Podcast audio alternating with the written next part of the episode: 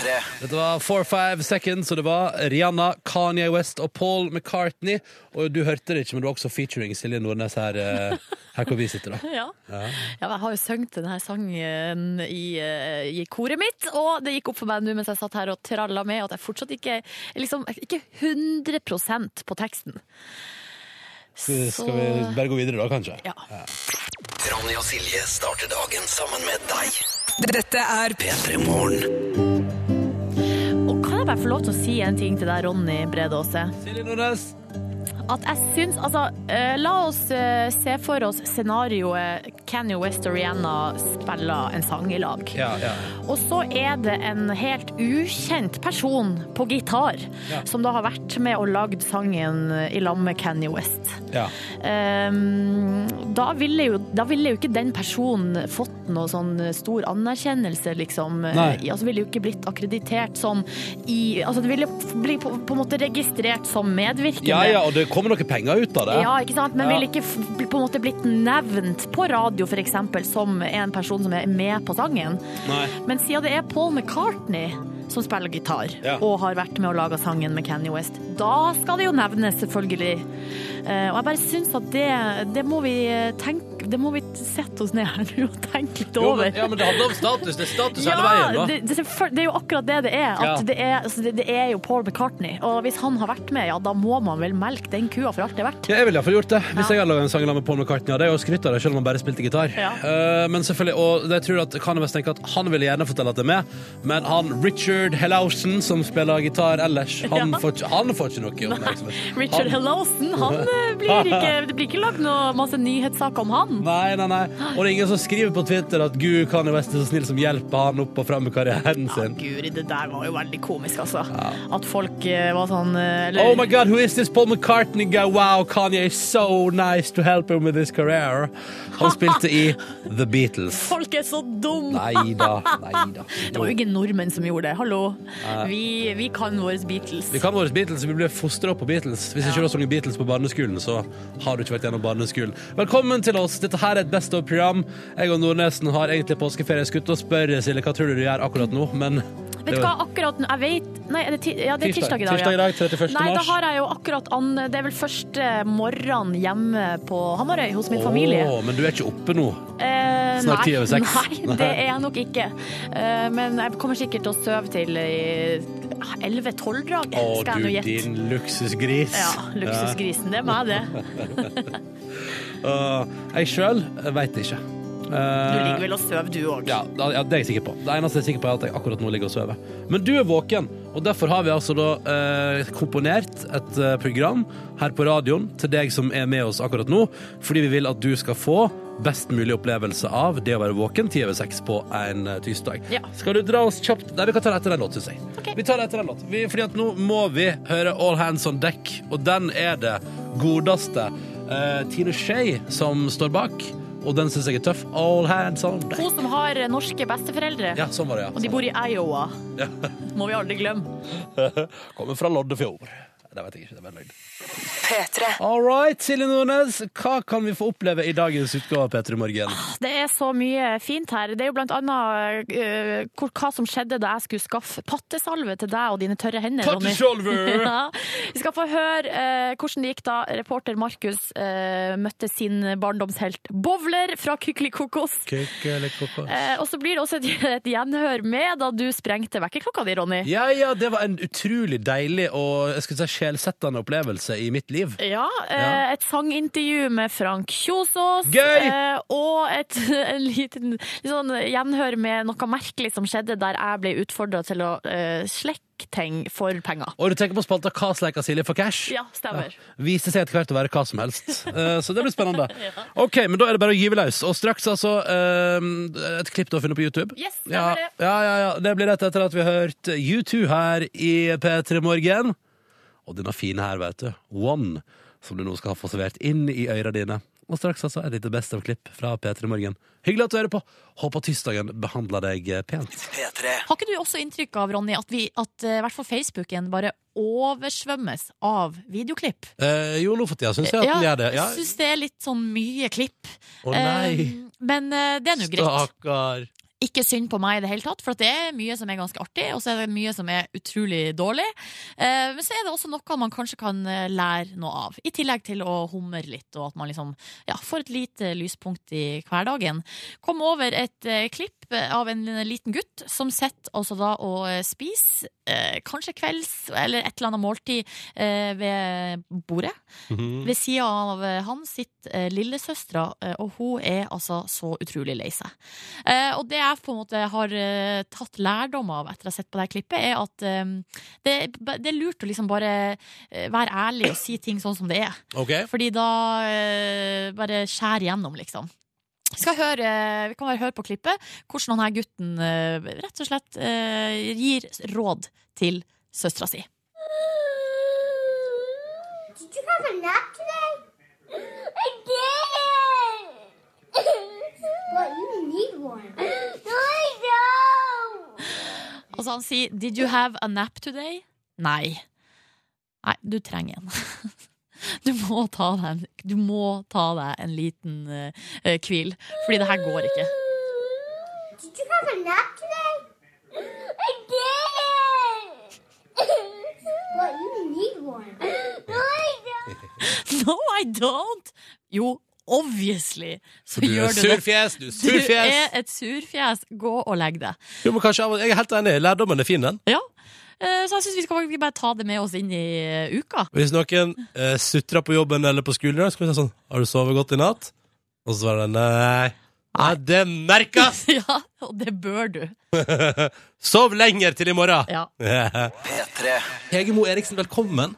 Tusen takk. Veldig stas å være her. Altså, hyggelig at Du synes det. Du er jo aktuell på NRK. Du er jo, for det første er du Urix, og så er du aktuell nå med programmet Lille Norge og stormaktene. Ja. Der du reiser ut og ser på hva har det å si for Norge med disse stormaktene rundt omkring. Og det skal vi prate mer om straks, men først Du har bodd så mange plasser, Hege. Jeg har bodd noen steder.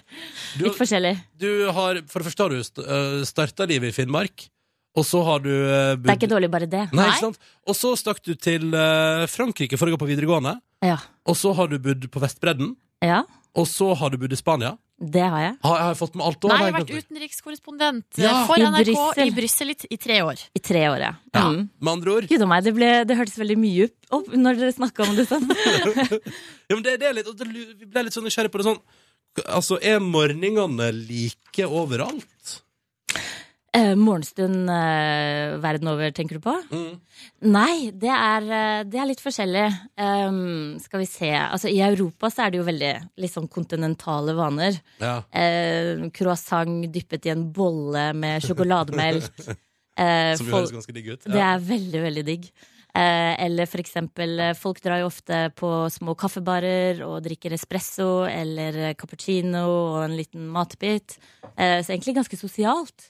Eh, og ja, og det for eksempel nordmenn gjør jo veldig ofte I Italia kommer uh, den feilen at de kommer og ber om eh, cappuccino etter klokka tolv. Det er jo dødsstraff i Italia. Det er en morgendrikk, Det har jeg rett og slett. Aldri hørt før. Nei, ikke sant? Så Det- man skal ikke drikke cappuccino Nei. etter klokka tolv? Nei, Vi tenker jo på en måte at cappuccino er en sånn ettermiddagsdrikk, for den har melk og litt sånn forskjellig i seg, ja. og ikke er så Sånn sterk som kaffe. Eh, men det, den skal man drikke på morgenen. Det er veldig viktig. veldig viktig. Men hvordan, ser, hvordan reagerer de hvis man kommer og bare At de blir skikkelig sure. Er det sant? Ja, ja, ja. Ja, ja. Og en annen, en annen sånn uh, stor uh, feil man kan gjøre i Italia, på restauranter eksempel, er å be om å få liksom takeaway-kaffe. Da, da blir man nesten skutt. I hvert fall med blikket. der, ja. blikket. Men, men, så, så på, Så det er sånn strenge kaffevaner. men, men da du bodde på Vestbredden, for eksempel, hvordan var, Ja. hvordan var morgenen der? Nei, der var det noe helt annet. Altså, det som er veldig fascinerende med Vestbredden, er at um, hele Midtøsten, hele araberverden, våkner opp til eh, sangen av én stemme. Én legendarisk sangerinne fra Libanon som heter Fayrouz. Og, eh, og, og på Vestbredden, og også i Libanon, i Syria, overalt, så våkner de opp da til, eh, til en radiostasjon som bare spiller Fayrouz på morgenen. Så det er så utrolig deilig! Du har liksom tonene av uh, Fayrouz nydelige stemme som strømmer ut. Og det er sånn at hele Midtøsten faktisk våkner opp til denne dama. Er det, er det altså Men hvorfor, alle? jeg skjønner ikke hvorfor det har Det blitt er, sånn. det, er, det er bare, altså hun er bare som en slags gudinne i Midtøsten. Hun, er, hun bor oppe i Åskammen sammen utafor Beirut og er blitt eh, veldig gammel nå. Eh, jeg tror hun lever fortsatt. Eh, og, og hun har en sånn legendestatus i, i Midtøsten, da. Og det, det var noe veldig spesielt som skjedde forleden dag, fordi jeg har en del kontakter i Syria, som jo nå er krigsherja, og folk er under beleiring. Ja. Og de sendte meg en liten videosnutt av en, eh, en skarpskytter, en sniper, som, ja. som lå i et sånt utbomba bygning og, eh, og hadde liksom geværmunningen ut av vinduet og jakta på Assad sine soldater på andre sida. Og han lå og hørte på Fairoz! Og så fikk han spørsmål om eh, er det ikke rart? Og så spurte han som filma det, han sa hadde du noen gang tenkt at du kom til å høre på Fairoz mens du skjøt? Ja. Eh, og, og landet ditt var i krig, og han bare nei, det hadde jeg aldri trodd at dette skulle skje meg. Altså at her ligger jeg med geværet mitt og hører på Fairoz. Men da var, det altså, det, var, da var eh, det klippet var fra morgenen, da, regner jeg med. Nei, det var ikke fra morgenen engang. Vi bare oh, ja. lå og hørte på Fairoz hele, Hele døgnet. hele døgnet, rett og slett nå. Men vi har et lite klipp, skal vi høre litt på? Altså, dette, dette Ja, her det er den arabiske verden våkna til i dag, da. Han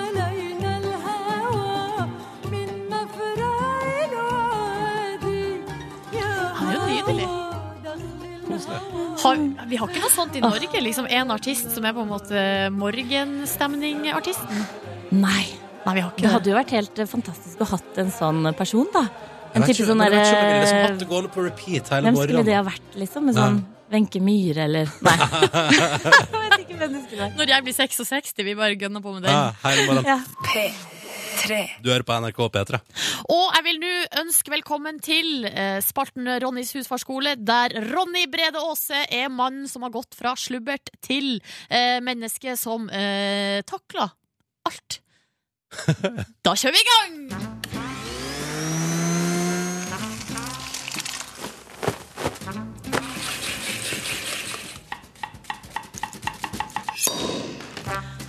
Og da lurer jeg på, Ronny Brede Aase, hva skal du lære oss om i dag? Ja, Silje, takk som spør. Du har ønsket denne spalten her fordi vi to har bytta liv. Du er den som sover på sofaen i fire timer i strekk og må avlyse avtaler pga. det. Stemmer. Mens jeg plutselig har begynt å lage mat fra bunnen av hjemme. Stemmer det? Så du spør meg eh, om å lage en spalte der jeg eh, gir folk hjelp til å takle livet, ikke sant? Jeps. Ronnys husfarskule, altså. Og tror du ikke at bare sekund etter at vi hadde gjennomført den første utgava av Ronnys husfarskule, ja, så kom det inn en henvendelse til Ronnys husfarskole fra lytter Andrea Elise Bjørge, som skriver Hei, Ronny, kan ikke du prøve å komme med noen tips på å ikke se ut som ei gammel dame på isen? Har veldig glatte sko og føler seg ut som Bambi på isen, eller ei gammel dame altså som er på tur. Hadde blitt veldig glad. Takk, hilsen og klem fra Andrea. Det er jo veldig relevant. Vi hørte jo på nyhetene i stad om at uh, forrige uke er det altså rekordmange som har falt på isen. Og Ronny, har du et tips til oss? Ja, klart jeg har. Jeg skal holde et lite foredrag her. Og eh, jeg lot meg selvsagt ekstra inspirere av meldinga fra Andrea da jeg forrige uke skulle til mitt lokale, min lokale svømmehall. Ja. Var på vei opp bakken dit og klarte så vidt å komme oppover og sklei bakover på flere tidspunkt. Og ble altså rystet da ei kvinne, eh, sprek sådan, jogga forbi meg på isen. Nei, er det sant? Og jeg sleit med å få føttene mine framover. Ja. Og spørsmålet fra Andrea er jo, det handler litt om Vi kan først ta dette med hvordan unngå å skade seg på glatta. For det syns jeg er det første og det viktigste punktet. Ja. Og der har jeg et par gode tips. Jeg pleier på eh, Altså hvis det er flatt, så pleier jeg å gå for moonwalk-metoden. Trygt og godt. Ja, du bare sklir bortover, liksom. du løfter aldri beina fra det som å gå på skøyter. Du bare segler bortover med beina vassende nede i bakken. Ah, det hadde jeg jeg du- aldri tenkt på. Så smart. Har du ikke det? det, det? Du har så god kontroll, og spesielt hvis du har dårlig tid og egentlig burde jogge. Så er det bare å skli seg bortover på moonwalk-metoden. Ja. For det går altså så bra. Men framover, ikke bakover, altså.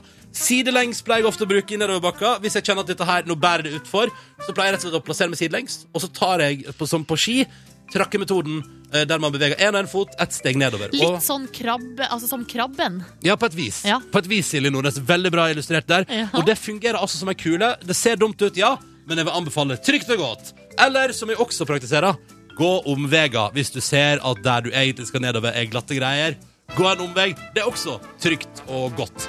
Men hvis du nå først står der, Silje, Ja. og du stavrer deg framover, som jeg jo gjør, og som du også gjør, stavrer oss framover på isen, vi sliter med å holde oss eh, floating, ja, hva gjør du da? For å ikke se ut som en gammel dame, som da Andreas spør om på uh, Facebook-sida vår. Jo, det skal jeg fortelle med en gang! Du må prøve å avlede merksemda til de rundt deg. For eksempel, prat hele veien. Hallo, hallo, god dag, god dag. Hei, hei. Altså, prøv å prate med folk, for da legger de ikke merke til at beina dine altså ser ut som Men da idiotien tror de jo at du er gal i stedet. Nei, nei, nei, de tror at du er sosial, ikke gal. Ja. Videre anbefaler jeg stilig kostyme. Eh, Det jo kan avlede altså, fra at beina dine eh, ser ut som du ikke klarer å gå. For eksempel, prøv å ta på et hestefjes, et koalakostyme. Eller hva med det stilige nå for tida? Altså at du kler deg i et tacoskjell. Det fins, jeg har sett det i virkeligheten. Men da, jeg vil jo bare tenke at man tiltrekker seg mer oppmerksomhet. Ja, men ikke til beina. Ikke til beina. Og så kan du ta på alt fra 80-tallet. Det går også fint. 80-tallet er jo en evig tid for å diskré Uh, Altså, det handler jo om å dra oppmerksomheten oppover, Men du hater jo kostymeparty. Ja, ja, men du kan sminke deg i fjeset, eller ta på en gøyal hatt. Flosshatt. En sånn svær, hva heter det? Svære meksikanske hattene. Sombrero. Sombrero! Ta på sombrero, så er alt i orden. Og mitt siste tips. ja. Er du helt ute og sykler, sliter med å gå på isen og ser dum ut, og tenker hvordan skal jeg eh, maskere dette overfor folk rundt meg, ja, da har jeg bare ett siste tips, og det er å ta med seg en flaske sprit når du er ute og går. Uh, og gjerne ei som er nesten tom, Fordi da kommer ingen til å tenke at du sliter med isen. De kommer til å tenke at du sliter med fylla. Hæ? Jeg tenkte du skulle si noe annet, som var 'hold deg hjemme'. Det er mitt siste tips, Silje Nordnes. Du kan jo bare gjøre som meg eh, forrige helg, da det var ekstra glatt i Oslo. Ja. Den turen på butikken kan jeg ta i morgen. Å, Ronny! Det var det jeg visste at denne spalten var en god idé, for du har altså svaret på alt. Kristian Christensen, ti på sju, og låta som heter Lyset. Husker du da han ble årets urørt, eller Silje? Uh, ja, jeg husker jo at jeg lå uh, dødsjuk på et hotellrom ca. 20 meter fra Samfunnet i Trondheim. Det var gøy, det. Da kosa jeg meg. Var det den kvelden du spiste pizza som du fikk levert uten tomatsaus på? Å, Fy faen, jeg besti- jeg bestiller pizza fra en uh, rimelig kjent leverandør. Jeg vil si kanskje nummer, altså, nummer to ledende i Norge. Ja, du tenker på etter Peppes, ja? Etter Peppes, så kommer det en etter der som er veldig stor også. Så bestiller jeg pizza. Hei, hei, hallo, kan jeg få en vanlig pizza med Det var noe skink... Altså det er helt sånn ordinær pizza. Så kommer den Men jeg, jeg, jeg sitter ikke og tisser, altså. Jeg bare Ja, ja jeg skjønner. Bare ta deg kaffe du, Ronny, mens jeg forteller den her rørende historien. Den er ikke rørende, den er jo skjærende. Ja, og jeg, her ligger jeg febersjuk og d- altså Og jævlig. Og jævlig Ja. lei meg på hotellrommet fordi jeg ikke fikk gå på Urørt-finalen. Og jeg, Så syns, og jeg syns lytter at du skal sette deg inn i akkurat den situasjonen, fordi da er tilfellet at eh, vi har reist til Trondheim for å ha sending fredag morgen, og Ja. reist på Urørt-finalen på fredag kveld. Vi har booka oss inn på hotell, vi har jobba litt ekstra overtid for, liksom, for å få det til å gå rundt, at vi kom oss opp og sånn. Ja. Uh, vi har kommet oss opp på NRK. Gleda oss fælt, Ja, snakka ja. masse om det. Hadde Ja. kjøpt antrekk eh, nytt for anledningen. Og det skulle bli en fest, liksom. Ja. Um, og så uh, blir det, skjer det altså det at um, pizzaen kommer, og den eh, har de glemt å putte tomatsaus på. altså, det, de har glemt Jeg vil si kanskje nesten den viktigste altså Det er den viktigste ingrediensen i pizza. Pizza er ikke vits i uten en deilig bunn og en saus. Ja, det er klart, altså, hvis, du, hvis det er en hvit pizza, eh, Ja, ja, ja. så er det jo, da er det jo den hvite sausen du må ha på. Eh, Mm. Men her er det altså en vanlig, ordinær pizza, de har glemt å ha på saus. Ja. Nei, det var trist. Og så spiste jeg liksom ett, eh, to stykker, og så, og så på en måte tenkte jeg bare det her smakte dritt. dritt. Eh, og så tenkte jeg på en måte ikke noe mer over det. Jeg trodde det var fordi jeg var sjuk. Og så kommer broren min på besøk, og han bare Du Silje, den her pizzaen har jo ikke Tomatsaus! Den har jo ikke tomatsaus. Tomatsaus! Så måtte jeg ringe til de da og si hei, hei, hallo, har dere slutta med tomatsaus? Og da sa de nei. Nei. Vi sender en ny en. Å, det var godt, da. Hva var på pizzaen? Utenom altså at det ikke var tomatsaus? det jeg ikke husker Altså, det var ost og noe skinkegreier. Ja. Det var det som var på.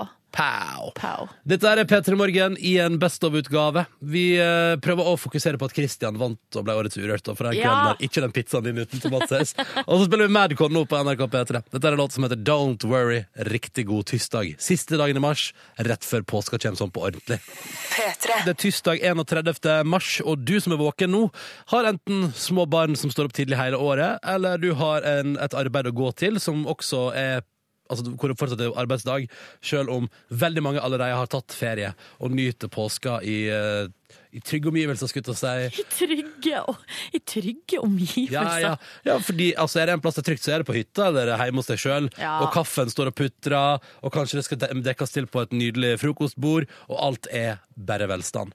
Og her på radioen så har vi i P3 Morgen gjort iallfall litt innsats for å sette sammen ei veke med Best of-sendinga, som vi syns inneholder en del gøyale ting fra eh, de tre månedene som har gått siden vi begynte på et nytt år. Ja, og det vi skal inn i nå, er jo da Er det kanskje din, den beste dagen du har hatt på jobb på, på, På lenge, ja. På lenge? Ja, Altså, ja, altså Når det kommer et eh, eget team fra NRK-systemet som kan sprenging av ting, Ja. og, skal, og jeg skal få lov til å sprenge vekkerklokka mi, ja, da er det Og det, er en sånn symbolsk, det var en sånn symbolsk eh, handling for alle oss som eh, blir vekka av vekkerklokka hver dag, og som kanskje idet man våkner, irriterer seg litt over den.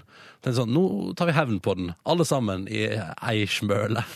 P3. Og nå skal det skje noe helt spesielt. Fordi nå er det altså jeg, Silje Nordnes, jeg sitter inne i studio.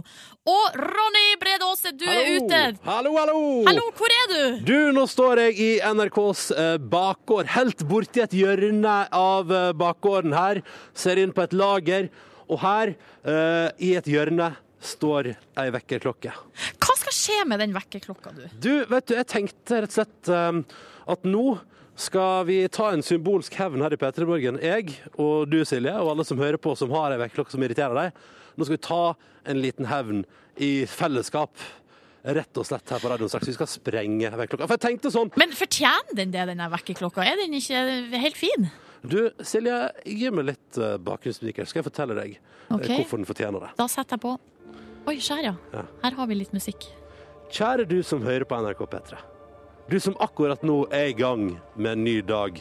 Nok en dag der du har blitt vekt av en irriterende lyd som du på ingen måte drømte om akkurat der og da. For har du ikke på et eller annet vis ofte drømt at den lyden der bare var en drøm? Hvor mange ganger har du ikke satt beina dine i iskaldt gulv og kjent at du skulle ønske du kunne trekke deg til igjen, men du veit at den lyden du hører, betyr at det nok en gang er dags. Og det handler ikke om å snuse. Det er ikke umulig lenger. Du må opp, og akkurat nå så må du gjennomføre det som er planlagt. Hvor mange ganger har du ikke drømt om å kunne legge deg inn natt under den varme dyna og bli der i evigheter? Hvor mange ganger har du ikke kjent at den vekkerklokka, den lyden, kom på akkurat feil tidspunkt? Hvor mange ganger har du ikke fantasert om å kaste vekkerklokka di ut av vinduet? Eller rett i badekaret og la den synke til bunns i vann og på den måten slutte å fungere? Hvor mange ganger har ikke du drømt om å knuse den med en hammer? I dag skal den drømmen bli virkelighet gjennom radioen. Nå, kjære P3-lytter, kjære Silje Nordnes, alle sammen!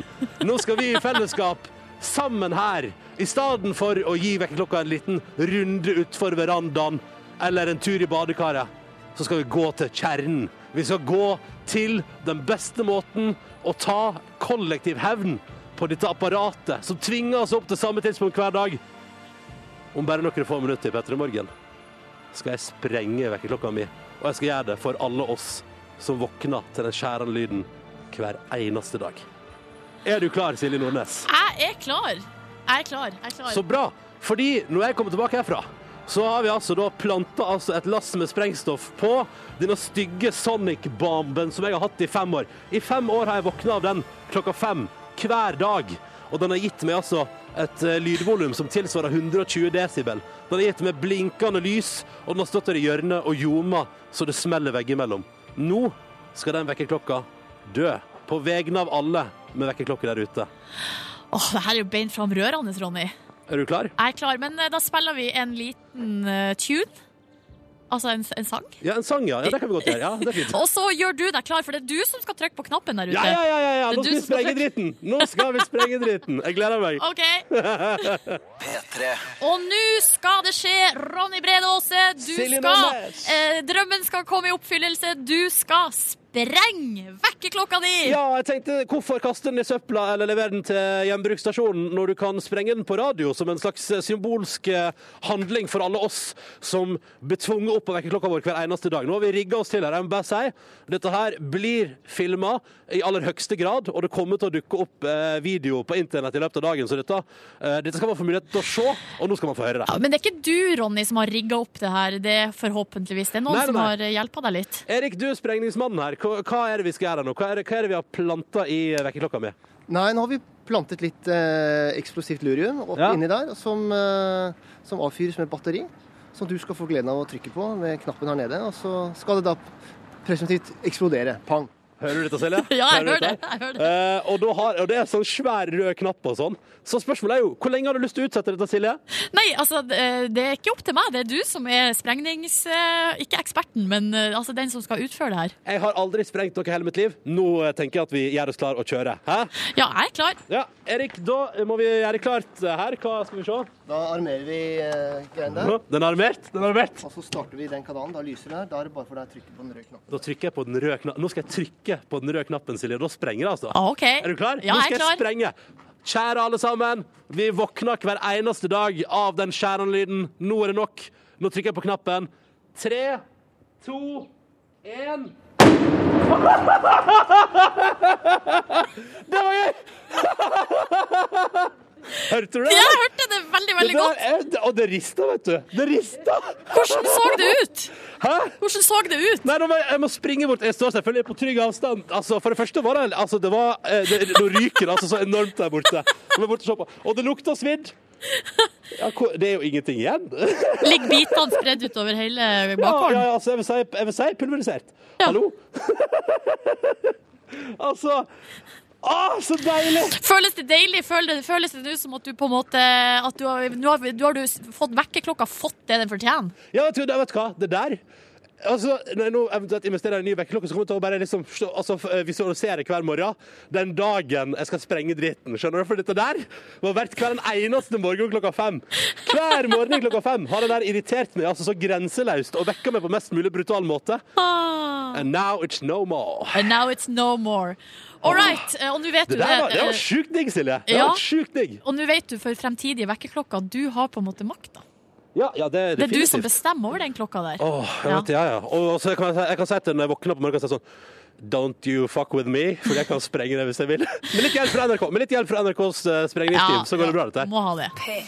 Dette er NRK P3, og vi har spilt The Weekend, altså, med Earned It i P3 Morgen, som er inne i en liten Best of Safari gjennom påskeveka. Eh, Det betyr egentlig, for å være helt dønn ærlig, og det tenker jeg at du kan være, at akkurat nå sitter jeg og Silje Nordnes eh, på en lørdag tidligere i mars og prater og syr sammen ei sending til deg. Men jeg vil si at vi har gjort det med kjærlighet. Ja da, Eh, absolutt. For vi sover ut eh, og nyter påska og lader oss opp til å prøve være live og direkte hver eneste morgen etterpå, frem mot sommeren. Men akkurat nå så har vi da eh, gjort en innsats, funnet fram klipp fra de siste månedene, og så og litt musikk og sånn, og så blir det jo, altså det blir jo forhåpentligvis et produkt som blir skikkelig hyggelig å høre på. Hadde vært litt rart hvis vi hadde satt sammen noen greier uten musikk. Ja. Det hadde liksom ikke Eller at vi henta kun dritt fra de siste månedene. Husker dere som var skikkelig dårlig? Det tar vi med. Ah, husker du den gangen da vi dreit oss ut? Det tar vi med. Eh, ja, nei, vi har heller eh, snarere tvert imot prøvd å finne, ut, eh, finne fram noe av de tingene vi har likt best. da. Mm. Så håper vi at du syns at det er litt eh, artig også. Forhåpentligvis. Skal jeg si hva vi skal høre på i neste halvtime, eller? Kan ikke gjøre det, da? Fordi det er ganske gøy. Det er et gjenhør med da Markus reiste vel til Hamar for å oppsøke sitt, eh, barndoms, sin barndomshelt, Bowler. Fra. Fra Kykelikokos. 815-493-00! Men uh, før vi skal til Markus og Bowler, så skal vi ha nyheter. Og før det igjen så tar vi med oss Carly Rae Jepsen sin nye låt med Tom Hanks i musikkvideo og Justin Bieber i musikkvideo. Ja, Det er noe av det rareste jeg har Ja, ja. sett. Men låta er veldig veldig fin og enkel og grei, og der er det bare Carly. På radio nå, I really, really, really, really, really like you. Dette her var Jungle og Busy Earning, straks seks minutter over klokka eh, halv åtte. Må du være forsiktig, fordi vi vet jo at hvis du sier noe feil her, så blir det straff. Ja, ja, ja. I form av blodpupp. Lenge siden sist. Jeg har vært flink i det siste, syns jeg. Ja, veldig flink. Prøv å ta meg sammen litt, da, vet du. Vil ikke ha blodpupp, syns det er ubehagelig. Mm. Uh, dette er P3 Morgen. Silje Nordnes heter Stades. Det stemmer, og det er du òg, Ronny Brede Aase. Og nå skal vi altså videre til vår reporter Markus og et tilbakeblikk da han møtte barndomshelten Bowler fra Kykelikokos. Tenk det. Og Kykelikokos, det kan jeg si, for da vi eh, sendte det her, eller da vi på en måte Da det her skjedde, eh, live og direkte for en tid tilbake, Mm. så var det flere som spurte sånn Kykelikokos, når gikk det, og sånn. Ja. Uh, og det begynte altså i 1996 og gikk til 2003. Mm. Så jeg er jo da, som nå er 30 år, jeg var egentlig eh, for gammel for Kykelikokos. Ja. Men jeg så på Jeg det husker litt det kjempegodt. ja, men jeg har jo småsøsken, så derfor har jeg også et forhold til det. Og kan jeg bare ta med en fun fact som ikke kom med den gangen? Ja. Eh, fordi det hadde Bowler fortalt til Markus, sånn, altså av, ikke på radio, men av lufta. Oi, oi, oi, er det Det- eksklusiv ja. eh, behind the scenes-informasjon? Kykelikokos var så svært og så gigantisk eh, på den tida at en lørdag morgen klokka åtte om morgenen liksom, så hadde 160 000 unger prøvd å ringe inn til konkurransen deres. Det er sjukt! Herregud, er det mu fi Finnes det så mange unger i Norge? Det er ikke så mange flere enn det, altså. Nei. Derfor eh, stort for mange, og mange vil kose seg nå når vi tar et gjenhør med det. P3. I det siste. I det siste. I det siste. Ja, og Markus, hva skjer? Du, jeg er eh, i Hamar, nærme postboks 2300. Jeg vet ikke om det klinger noen bjeller hos eh, noen da. Jeg er et veldig møblert, vakkert hjem hos en eh, programleder som var virkelig min store, store eh, helt eh, som barn. Jeg så han eh, ofte da jeg lå mellom foreldrene mine, mellom åtte og ti hver lørdag. Kanskje noen eh, vet hvem jeg prater om hvis vi hører dette klippet her.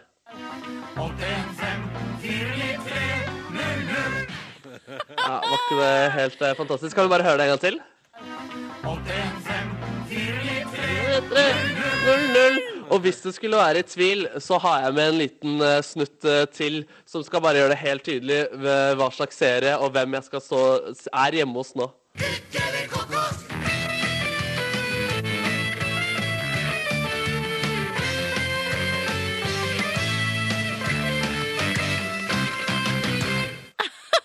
Jeg er hjemme hos Bowler fra Kykeli Kokos. Han sitter nå ved min side.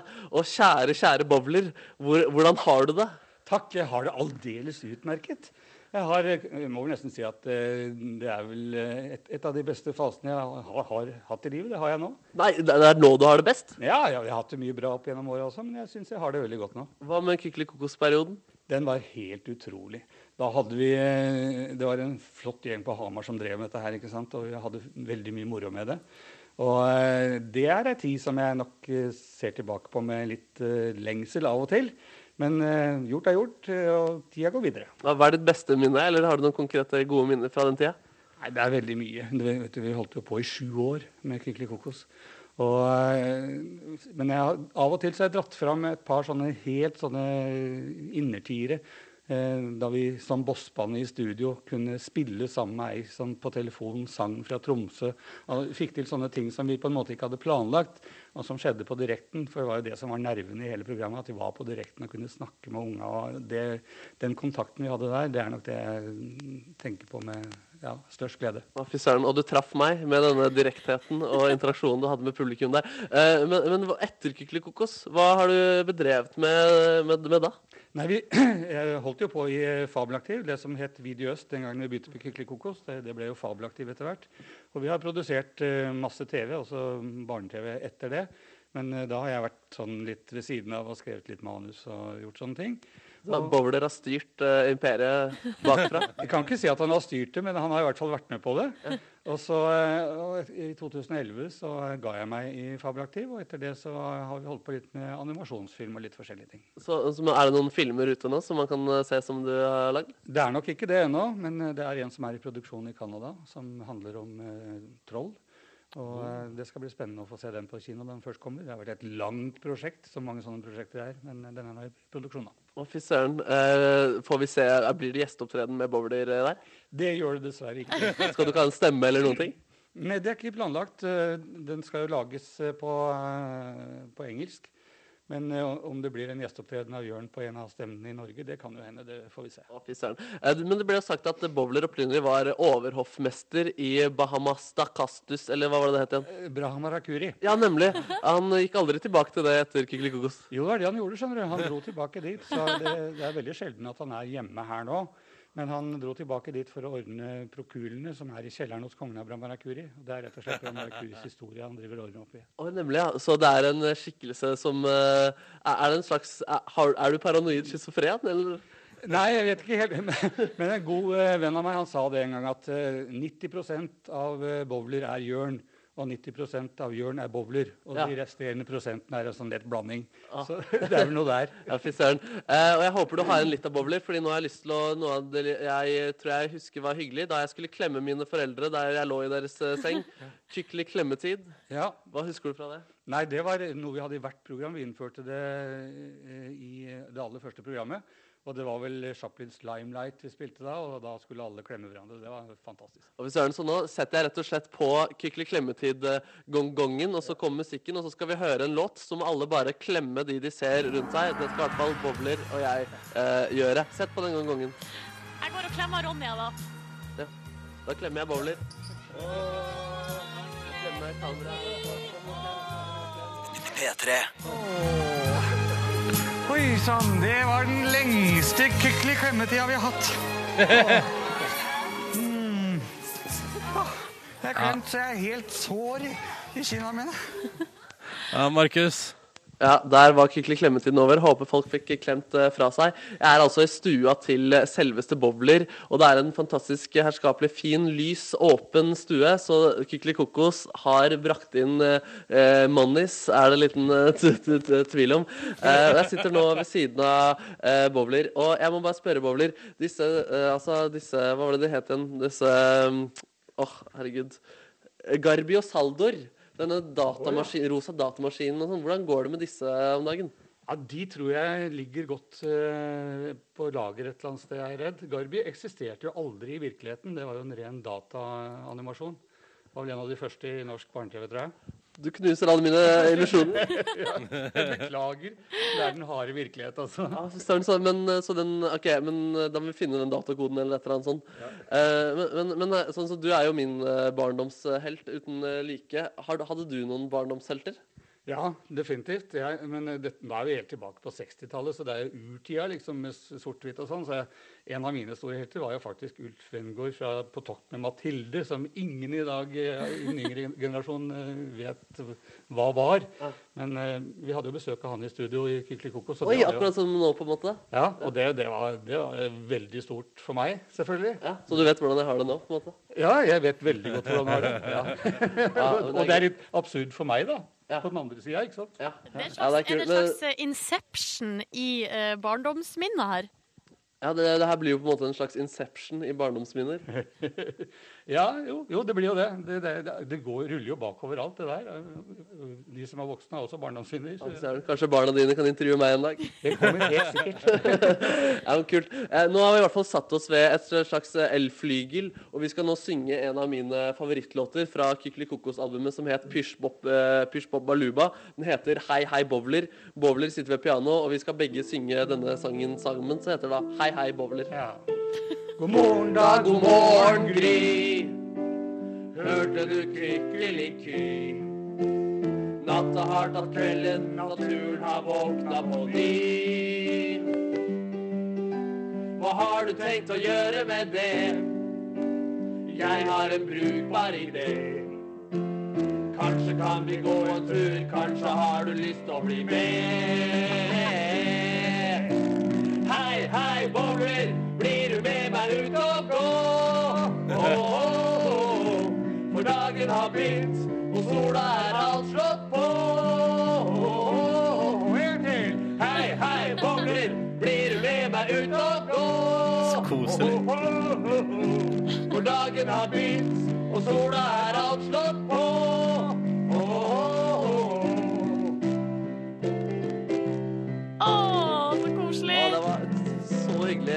Tusen takk, eh, Bowler. Veldig hyggelig å ha deg her. Ja, Det var veldig hyggelig å få komme hit. Kan du bare til slutt spille den mest kjente komposisjonen din noensinne live? Ja. 815-493-00. Og da takker vi for Bobler. Vi vet hvor Bobler har vært, og vi håper det går bra med han framover også. P3. Straks sju minutter over åtte med Ellie Golding og nydelige Love Me Like You Do på NRK P3. Dette er P3 Morgen i Best of-modus, og det betyr at uh, vi har snekra sammen sendinga for deg uh, som inneholder ting vi har gjort hittil i år, som vi syns var såpass OK og gøy at vi velger å kjøre det i reprise. Det stemmer, og det har vi jo gjort for at uh, selv om vi har ferie, så skal du som er våken nå oppe og holde altså landet i gang, Land i gang! skal få et tilbud. Ja, Ja. og forhåpentligvis et som er bra, da, fordi vi da har henta fram ting som vi mener er godt nok. Og så får vi se. Så får vi se, da. Du kan jo sende evaluering p3morgen.nrk.no. Ja, ja, ja. Vær snill. og kjenner jeg oss selv riktig, så leser vel både jeg og Silje Nordnes e-post i ferien. Selvfølgelig gjør vi det. Ja, selvfølgelig gjør det. Og det her er ikke ironi, faktisk. Nei, nei, nei, på ingen måte. Nei, nei, nei. Eh, dette er vi gode på. Um, hva skal vi føre denne halve timen? Du, Vi skal få et gjenhør med eh, fra da vi hadde Frank Kjosås på besøk, og Markus utfordra han til et sangintervju. Det var gøy! Ja, Det var jo helt fantastisk, fordi Frank Kjosås må jo være et av de mest talentfulle menneskene vi har her i Og så landet vårt. holder han ikke tilbake når han er på besøk hos oss. Ikke i det hele tatt. Eh, og så I tillegg til det, så, så først så her nå skal vi få høre noe rare greier. Altså Det er eh, spalten som du og Markus har kjørt i gang, som heter Hva sleikar Silje for cash. Og straks altså, hva sleikar Silje for cash etter Jonas Alaska? Vent da, kan jeg bare få si Nei, nei. Kan jeg si en ting? Hva har du? At eh, selv om det nå altså, jeg, Det høres ut som jeg er et helt utrolig forferdelig ekkelt menneske. Nei, men ta det med ro. Ta det med ro. Og det beklager jeg på det sterkeste. Du tar det med ro. Dette skal du få høre alt om etterpå. Det, det er jo tvang, dette. Det går fint. Um, men først altså Jonas Alaska. I'm sorry. Og da var det på tide, da, med spalta Hva sleika Silje for cash? Ja, ja. Hva i all verdens navn og rike? En gang til. Det er altså tid for spalta Hva like a for cash? Og eh, i spalten Hva sleika Silje for cash, den dukker opp. Eh, takk til eh, det var en lytter som foreslo det som navn på spalten. Bra, da. Fordi i dag tidlig så endte vi tilfeldigvis opp med at du, Silje, sleika miksebordet som jeg sitter og trykker på, og som veldig mange andre RPT sitter og trykker på hver dag, Ja. for en hundrings fra meg og Markus. Stemmer. Jeg har hundrelappen her. Ja. Nice, Kjøp, nice. Skal kjøpe meg lunsj for den. Skal kjøpe lunsj for den. Men først så tenkte vi at vi skulle gi deg en ny utfordring i spalta. Hva sleika Silje for Vent litt nå. I spalta Hva sleika Silje for cash? Og nå sitter jeg her med det beste du vet i verden. Fire flunkende nye flakslodd. Disse kan bli dine hvis Silje sleiker noe for eh, Altså, nå ble det jo ikke cash, da. Som hun Jo, men, men det kan jo bli Altså, du kan sleike noe for potensielt en million kroner. Hva sleiker Silje for potensielle cash? Ja, ikke sant? Fordi uh, vi tenker Flakslodd er en bedre valuta i dette radioprogrammet her, uh, tenker jeg. Og da har jeg lyst til å ta utgangspunkt i oh, nei, oh, nei, oh tekstmeldinga som kom inn eh, fra JP tidligere i dag, da du sleika miksebordet. For da fikk du en hundrelapp, og så står det Silje, ikke vær redd for bakterier på knottene av plast eller metall på miksebordet, men hva du enn gjør, ikke sleik på hundrelappen du fikk. Den er full av dritt. Så er da spørsmålet. Silje Nordnes i spalta Hva sleiker Silje for cash? Så lurer vi nå på Får jeg fri, fire flakslodd hvis jeg sleiker på hundrelappen? Så tar den godt inn i munnen. Altså, du, altså, vi, har, vi har sleiking langs langsida av hele hundrelappen. Mm, Begge sider. Begge Mm. sider. Så spørsmålet er Sleiker du hundrelappen? Sleiker du Det blir en liten For fire flakslodd? For disse Ja. flunkende nye flaksloddene her. Jeg og Markus eh, gir deg, gir deg altså helt gratis og uten eh, noen eh, forpliktelser fire flakslodd hvis du tar et godt drag på begge sider på langsida av hundrelappen du fikk tidligere i dag, som kan ha vært gud veit hvor. Og du skal elske å slikke det. Det skal Ja. ta litt tid. Det skal ikke være en rask slikk. Det her skal være et Jeg har, det, det, Er det lov med en liten joke om at det der kan bli din egen lille private slikkelapp? din egen lille private slikkelapp der, altså? Men jeg har lov å ikke respondere på den vitsen. Ja, Ja, den faller til steingrunn. ja, Kan vi kalle deg for Silje Nei, eh, Slikke Nordnes? Slikke, slikke Silje Nordnes? Slikke Nei, Silje Nordnes. dere. Spørsmålet er jo Hva slikker Silje for cash? Og Altså, tar du hundrelappen? Dilemmaet mitt her nå Ja. er utelukkende hvilken type person skal jeg være. Nå har jeg nettopp hatt et innlegg om amerikansk politikk. Jeg ser på meg sjøl som en seriøs dame. Um, eller, men jeg er også veldig glad i flakslodd. Ja. Så sleiker du hundrelappen for cash? Selvfølgelig gjør jeg det. Du gjør det? Selvfølgelig gjør jeg det. Stille sleiker hun. Ok, Er dere klare? vi skal høre, og det skal være et godt slikk. Godt inn på Vi begynner med hun damen. Hvem er den damen igjen? Er det Camilla Collett, da, mon tro? Nei, det var, det var back in the days. Ja, det er hun, eh, hva er det hun heter igjen? Kristin et eller annet. Drit i hva hun heter. Sleik henne. Flagstad. Flagg, Ja, ja. Kirsten Flagstad. Kirsten Flagstad. Ja. Hun skal Sleik slikkes. Kirsten- Jeg begynner, jeg begynner med Kirsten Flagstad. Godt var hele godt. Det var hele Neste side. Nordnes har sleiket hundrelappen for cash. Fire flakslodd! Gratulerer, her har du fire flakslodd. Og vet du hva? Nei, det der det, Vet du hva? Jeg må bare si, dette, altså, det å se deg stikke intenst på Kirsten Flagstad på hundrelappen der, og, og bare med, med lukka øyne og tunga ute og bare drar den opp langs hundrelappen, Ja. det var verdt fire flakslodd. altså. Var det det? Jeg kommer faktisk aldri til å glemme det synet. Men kan jeg vinne en million? Altså, Ja. Da har de har det fortjent i så Det er fortjent. Altså, det var det som var det, det, var det, som var det stakes. Det har jeg fortjent så sjukt. Så den har vært i hendene mine i noen dager, og så har den vært i butikken noen dager før det. Og så har sikkert noen tatt på den etter at de har gått på do. Og så har sikkert noen sniffa kokain Men... og så må vi ikke glemme symbolverdien av å sleike penger, din kapitalist. Din kapitalist. Og Silje, ikke for å Altså, jeg skal ikke være negativ, Ja. og jeg elsker den spalten. og Den spalten jeg skal leve videre i Petter i morgen. Er du sikker på det? Men du ser ikke så bra ut når du sleiker. P3. Fordi nå i P3 Morgen skal vi til noe Markus har veldig trua på. Fordi vår kjære Markus mener at idet du tvinger folk til å måtte synge svar på spørsmål, idet man utfører intervju gjennom sang, så blir man nærere kjent og avslører nye sider. Så derfor nå et improvisert intervju på P3 Morgen. Og dette improviserte intervjuet er altså et sangintervju. Markus, du skal intervjue Frank Kjosås med sang. Frank Kjosås, en talentfull mann. Fortell oss noe vi ikke vet du kan. Jeg kan tegne mange tegninger på en gang. Hva tegner du da? Hva tegner du da? Noen fra Afrika? Kanskje en liten elefant eller en papegøye. En papegøye, sier du. Ja, Kan den snakke? Hva sier den kra? den sier hei, hei, hei. Jeg bor i hovedstaden Tigerblei. Å, tigerblei, i tigerblei. Der bor også en fisk, en sei. Kan den snakke det nå? Ja, den sier blu, blu, blu, blu, blu. Blu, blu, blu, blu, blu, blu, blu. Blu, blu, Blub, blub, blub, blub, blub, blub, blub, blub. Du er en sympatisk mann, du, Frank. Takk, takk, takk. Har du noen gang fått bank? Ja, det har jeg. Faktisk, i Bergen. Der fikk jeg bank av to folk jeg ikke Å, kjenner. hva het de? Det veit jeg dessverre ikke. For du kjenner ikke de. Nei. De, kanskje de het eh, Papegøyen? Eller var det Hege Skøyen? Hege Skøyen har banka meg, og det er jeg stolt av å si til det norske folk. Frank! Ja! Nå skal dine mørke sider fram. Oh no. Fortell oss, Frank, om din skam. Jeg ser alltid mer enn to episoder av en TV-serie på Netflix eller HBO Nordic. U uten å betale, Frank. Aldri. Så du betaler. Hva er det egentlig skammer deg over? Frank. Ikke noe. Han skammer seg ikke over noen ting. Han er en skuespiller. Kan du spille tingeling? Tingeling er mitt navn, jeg døde nesten, men reddet av Peter Pan. Pan.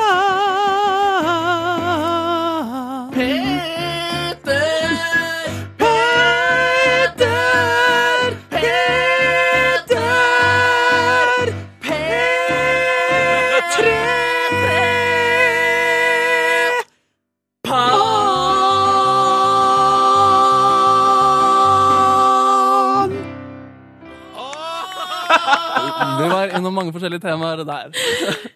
Det er helt fantastisk. Ja, men jeg må innrømme at det var skrevet, faktisk. Nei, det var- Nei, det var- Dette er manusbasert alt. På ingen måte. Det er det som er så deilig. Oh, det det, det, og det, og det fineste er jo at altså, hvis man, altså, med litt godvilje kunne dette på en måte altså, Ingen hadde respondert i Sweeney Todd hvis dette plutselig oppsto og forsvant igjen. Skjønner du hva jeg mener? Nei, det er to plasser dette kunne fungert helt fint. I bleie Nei, nå skrudde av pianoet. Jeg skrudde av pianoet til Markus. Nå er det nok. Ja, greit, sorry. Det er nok. Eh, Frank, eh, Ja. eh, umiddelbare planer fremover. Eh, Får vi fortsette å se deg på fjernsynet i ting? Hva skjer? Hva er planer planen for våren? For våren, da er det nok Sweeney Todd som står i fokus, eh, sammen med den merkelige Henninga med hunden den natta. Mm. Eh, det kommer til å være mitt fokus fram mot våren, og så kanskje det ligger noen eh, hemmeligheter på lur. eh. Se. Tusen takk for at du kom på besøk til P3 Morgen. Og så må vi jo si vi gleder oss til å, eh, i lag med resten av Norge, sette oss ned og se siste episode av Kampen om tungtvannet på søndag. Det gjør jeg òg. P3. Når klokka nå straks er åtte over halv ni, har du hørt Naughty Boy og Sam Smith på NRK P3 og låta som heter La La La. Ja. Ja, ja, ja, Ronny. La, la, la. La La La, det, kan du si. la, la. Det er den siste dagen i mars der ute i det ganske land og ute i verden. Og akkurat her, inne i radioen, så er det Best of P3 Morgen rett og slett. Det betyr at vi har funnet klipp fra de siste månedene og spiller dem om igjen nå. Eh, Og kanskje du hører ting du aldri har hørt før, som du kanskje vil synes er litt gøy, da. Forhåpentligvis. Altså, eller spennende, eller artig, eller Ja, du skjønner. Vi har jo kalt det en buffé. Ja. Selv om jeg er skeptisk til fenomenet buffé, så støtter jeg at dette er en decent buffé. Og det er fordi du får én ting av gangen. Jeg synes Det er vanskelig når du skal få alt på en gang, Eh, men her er det sånn at vi har et klipp, og så litt musikk, og så litt prat, og så skjønner du, da går det, da går det på en måte sånn i naturlig gang. Da, på Ja. vis. Ja, ja. Det er ganske, va ganske vanlig opplegg, egentlig. Ja, faktisk. Det eneste er at eh, noen av de tingene vi spiller, har gått på radio før. Ja. Eh, Men det må da være greit. Og iallfall hvis du aldri har hørt klippet om pattesalven, eller Altså Jakten på pattesalven, så skal du altså få det nå. Mm. Uh, det var jo fordi du hadde så tørre hender, Ronny, og vi Hadde begynte å snakke om hender, eh, pattesalve. Mm. Og, uh, og jeg bestemte meg for å skaffe det til det. Mm. I tillegg blir det alltid interessant hvis NRKs mørke, djupe trailer Røyst Nils Nordberg sier det. Markus Testa. Og så skal vi spille musikk fra blant annet uh, Coldplay kommer, og det samme gjør han Chris eh, Holsten, som er sånn, eh, han har vært vokal på Broiler-låta Skikkelig deilig ny norsk musikk, rett og slett. Race of Light heter Race den. of Light, ja. Race of Light, where we are. Han har laga egen låt. Kanskje bare du egentlig burde sunget på Race of Light. Ja, men det var, Simen og Mikkel i Broiler ringte aldri. Hæ? Er det en slags opp, er det en oppfordring? Ja, hører dere, karer? Jeg stiller er på, jeg stiller på sekundet, jeg. Eh, Men de valgte Chris, altså. Og han har laga egen låt, han. Den skal du snart føre. Men aller først på NRK P3. Fantastisk låt fra Aurora Aksnes. Stjerneskuddet som Katy Perry har tweeta om. Ja, det var vel denne låta Katy Perry tvitra om, ja. Yes, det er sine altfor mange millioner følgere. Dette er Runaway i P3 Morgen. Men du, Ronny. Nå har jeg en ting som jeg har lyst til å ikke ta opp med deg, men jeg har lyst til å snakke med deg om eh, noe. Fordi em, Ikke høre så skeptisk ut. Det her er bare hyggelig. For da Husker du for noen uker siden så snakka du om dine veldig tørre hender. Ja. Eh, og så eh, fikk vi jo masse tips på SMS fra folk om eh, konseptet pattesalve. Pattesalve. Pattesalve. som da tydeligvis er noe, et eh, produkt som uh, brukes på spenene til uh, kyr. Ja. Uh, og kanskje andre dyr òg, når Ja. de blir tørre der, da. Ja, ja, ja, ja. Og det skal visstnok være helt Altså det skal være vidundermiddelet mot Yeah. tørre hender. Ja, det var i hvert fall opptil flere lyttere som var veldig entusiastiske på pattesalvens vegne. Ikke sant? Pattesalve. Um, og etter det der, så og jeg, altså jeg, jeg hører jo entusiasmen din for det her produktet, så jeg har satt meg fore å få tak i det til deg. Ja. Men det skulle altså være eh, lettere sagt enn gjort. OK. Ja, fordi Oi sann. vi fikk jo tips om at eh, det finnes på Felleskjøpet. Ja. Ikke overraskende så er det ikke Felleskjøp-filial i Oslo sentrum. Nei, nei, det, nei, ikke i sentrum, nei. nei. Altså, jeg har ringt til, eh, til sentralbordet der og ble henvist til Kløfta. eh, Eller eh, Drammen eller Ski eh, i Follo. Mm. Og det ble litt for langt, syns jeg, da. Ja, ja, ja. Så uh, tenkte jeg videre OK, hvor kan de ha det her produktet? Um, dyrebutikk. Ja. Sånn, men for å ikke gå, gå på bomtur, så uh, ringte jeg til dyrebutikken uh, for å høre eh, om de har produktet pattesalve. Da kan vi høre på det nå. Dyrekjøpere prater med Josefin. Du, eh, jeg lurte på en ting. Eh, har dere pattesalve? Hva sa du nå? Pa? Har dere pattesalve i dyrebutikken? P-a-t-t-e salve. Ja, ska vi se. Patte- Jeg får ikke upp någonting i systemet. Det er ikke til meg, altså. Det er til en kompis. Hva sa du nå? Nei, jeg skal bare si jeg jeg er på jakt etter pattesalve til en kompis. Ja, nei, det, jeg finner faktisk ingenting. OK. Ha det bra. Ha Du, det. Du, du hører at det der høres ut som en tulletelefon? Hallo, jeg er på jakt etter pattesalve.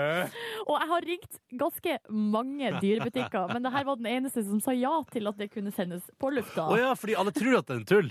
Ja, eller jeg vet jeg blir litt sånn usikker på hva min agenda egentlig er. Ja. Men eh, så tenkte jeg OK, dyrebutikkene har ikke, men hva med eh, veterinær...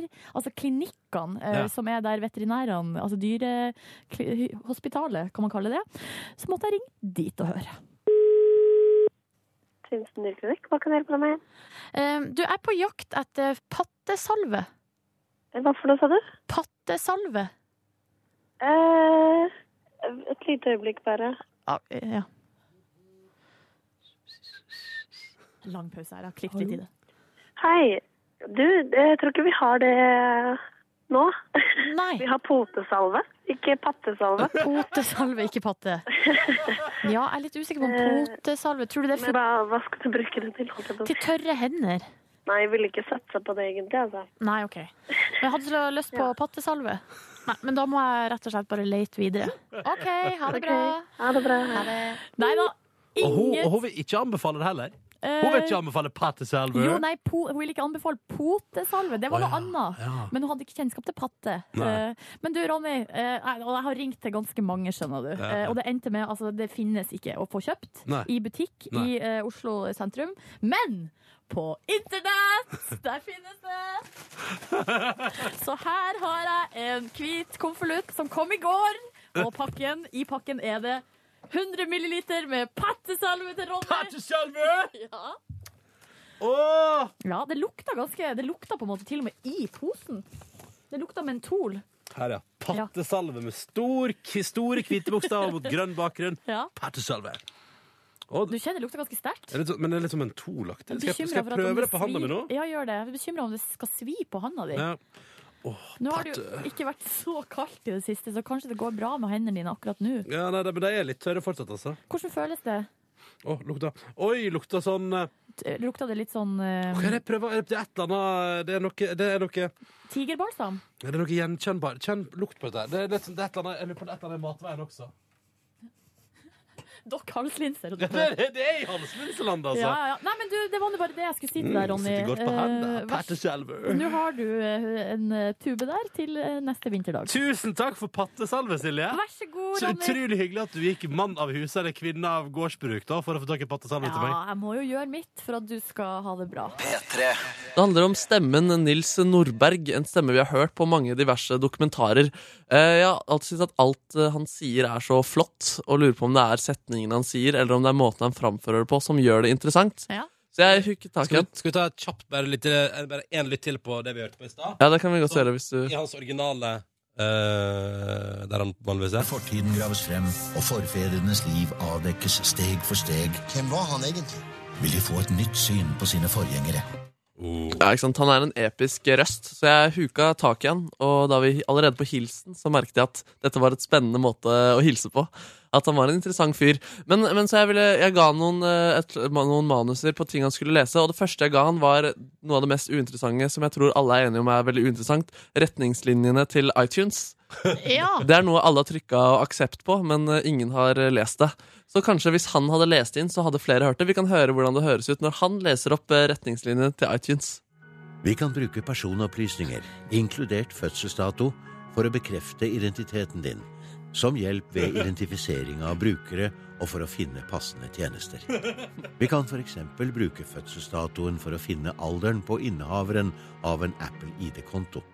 Jeg får frysninger av det, i hvert fall. Utrolig, plutselig utrolig interessant med de der vi brukervilkårene Ja, der. det er helt sykt. Og han er Nils One-Take Nordberg også, altså.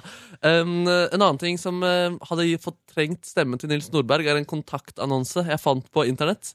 En veldig lite appellerende eh, kontaktannonse om en fyr som kanskje ikke virker så interessant. Men hvordan, blir, hvordan fremstår denne kontaktannonsen med stemmen til Nils Nordberg? Er du på jakt etter en spennende mann, men ikke nødvendigvis en eh, kjæreste? Er du mellom 16 og 21 år og holder deg i fysisk form? Er du glad i både overfladisk luksus og meningsfulle relasjoner? I så fall håper jeg du kjenner din besøkelsestid og tar kontakt. Alt det beste fra din nye Mr. Big. Smilefjes. Hæ? Altså, Mr. Big, jeg tar kontakt. Du tar kontakt, ikke sant? Det der var utro... Ja, veldig Jeg ble interessert. Ja, så han Å, jeg elsker dette her! Ja, og til slutt så måtte jeg bare Ok, han har klart alt det her, så jeg måtte bare skrive ned noe vrøvl. Noe meningsløst. Setninger som ikke henger sammen. Setninger som ikke betyr en dritt. Kan det også få en verdi med stemmen til Nils Nordberg? Kan du sende meg huset ditt, Borgård? Jeg laster ned torrents av afrikanske menn som ser på TV 2. Honky, honky, honky balsam. Kamelen maser om høyere lønn. Hvor var min sønn, jeg har savnet deg. Interessant. eller? Det er det mest fascinerende jeg har hørt. Ja, herregud, for en stemme. Altså. Ja. Jeg tenker det må være enkelt for ham å komme unna ting da, i hjemmet. Når han, eh, hvis eh, han eh, finner, eller kona Jeg finner tar ikke oppvasken. Jeg tar ikke oppvasken. I dag er det din tur. Kona, i, damen i skapet, er bare en elsker jeg har. Nei, jeg har ikke billett. Billettkontrollør. Det skal du godta. Er det en slags Jedi? Det, det, det er The Force vi har vært vitne til her. kanskje Nils Nordberg er vår eh, Qui-Gon Jinn eller Obi-Wan Kenobi. Ikke umulig. Fascinerende. altså. Vi, vi, av, vi avslutter med den siste en gang til, tenker jeg. Ja, ja, det, ja. Kan du sende meg huset ditt, Borgård? Jeg laster ned torrents av afrikanske menn som ser på TV 2. Honky, honky, honky balsam. Kamelen maser om høyere lønn. Korovar, min sønn, jeg har savnet deg. Hør flere podkaster på nrk.no podkast.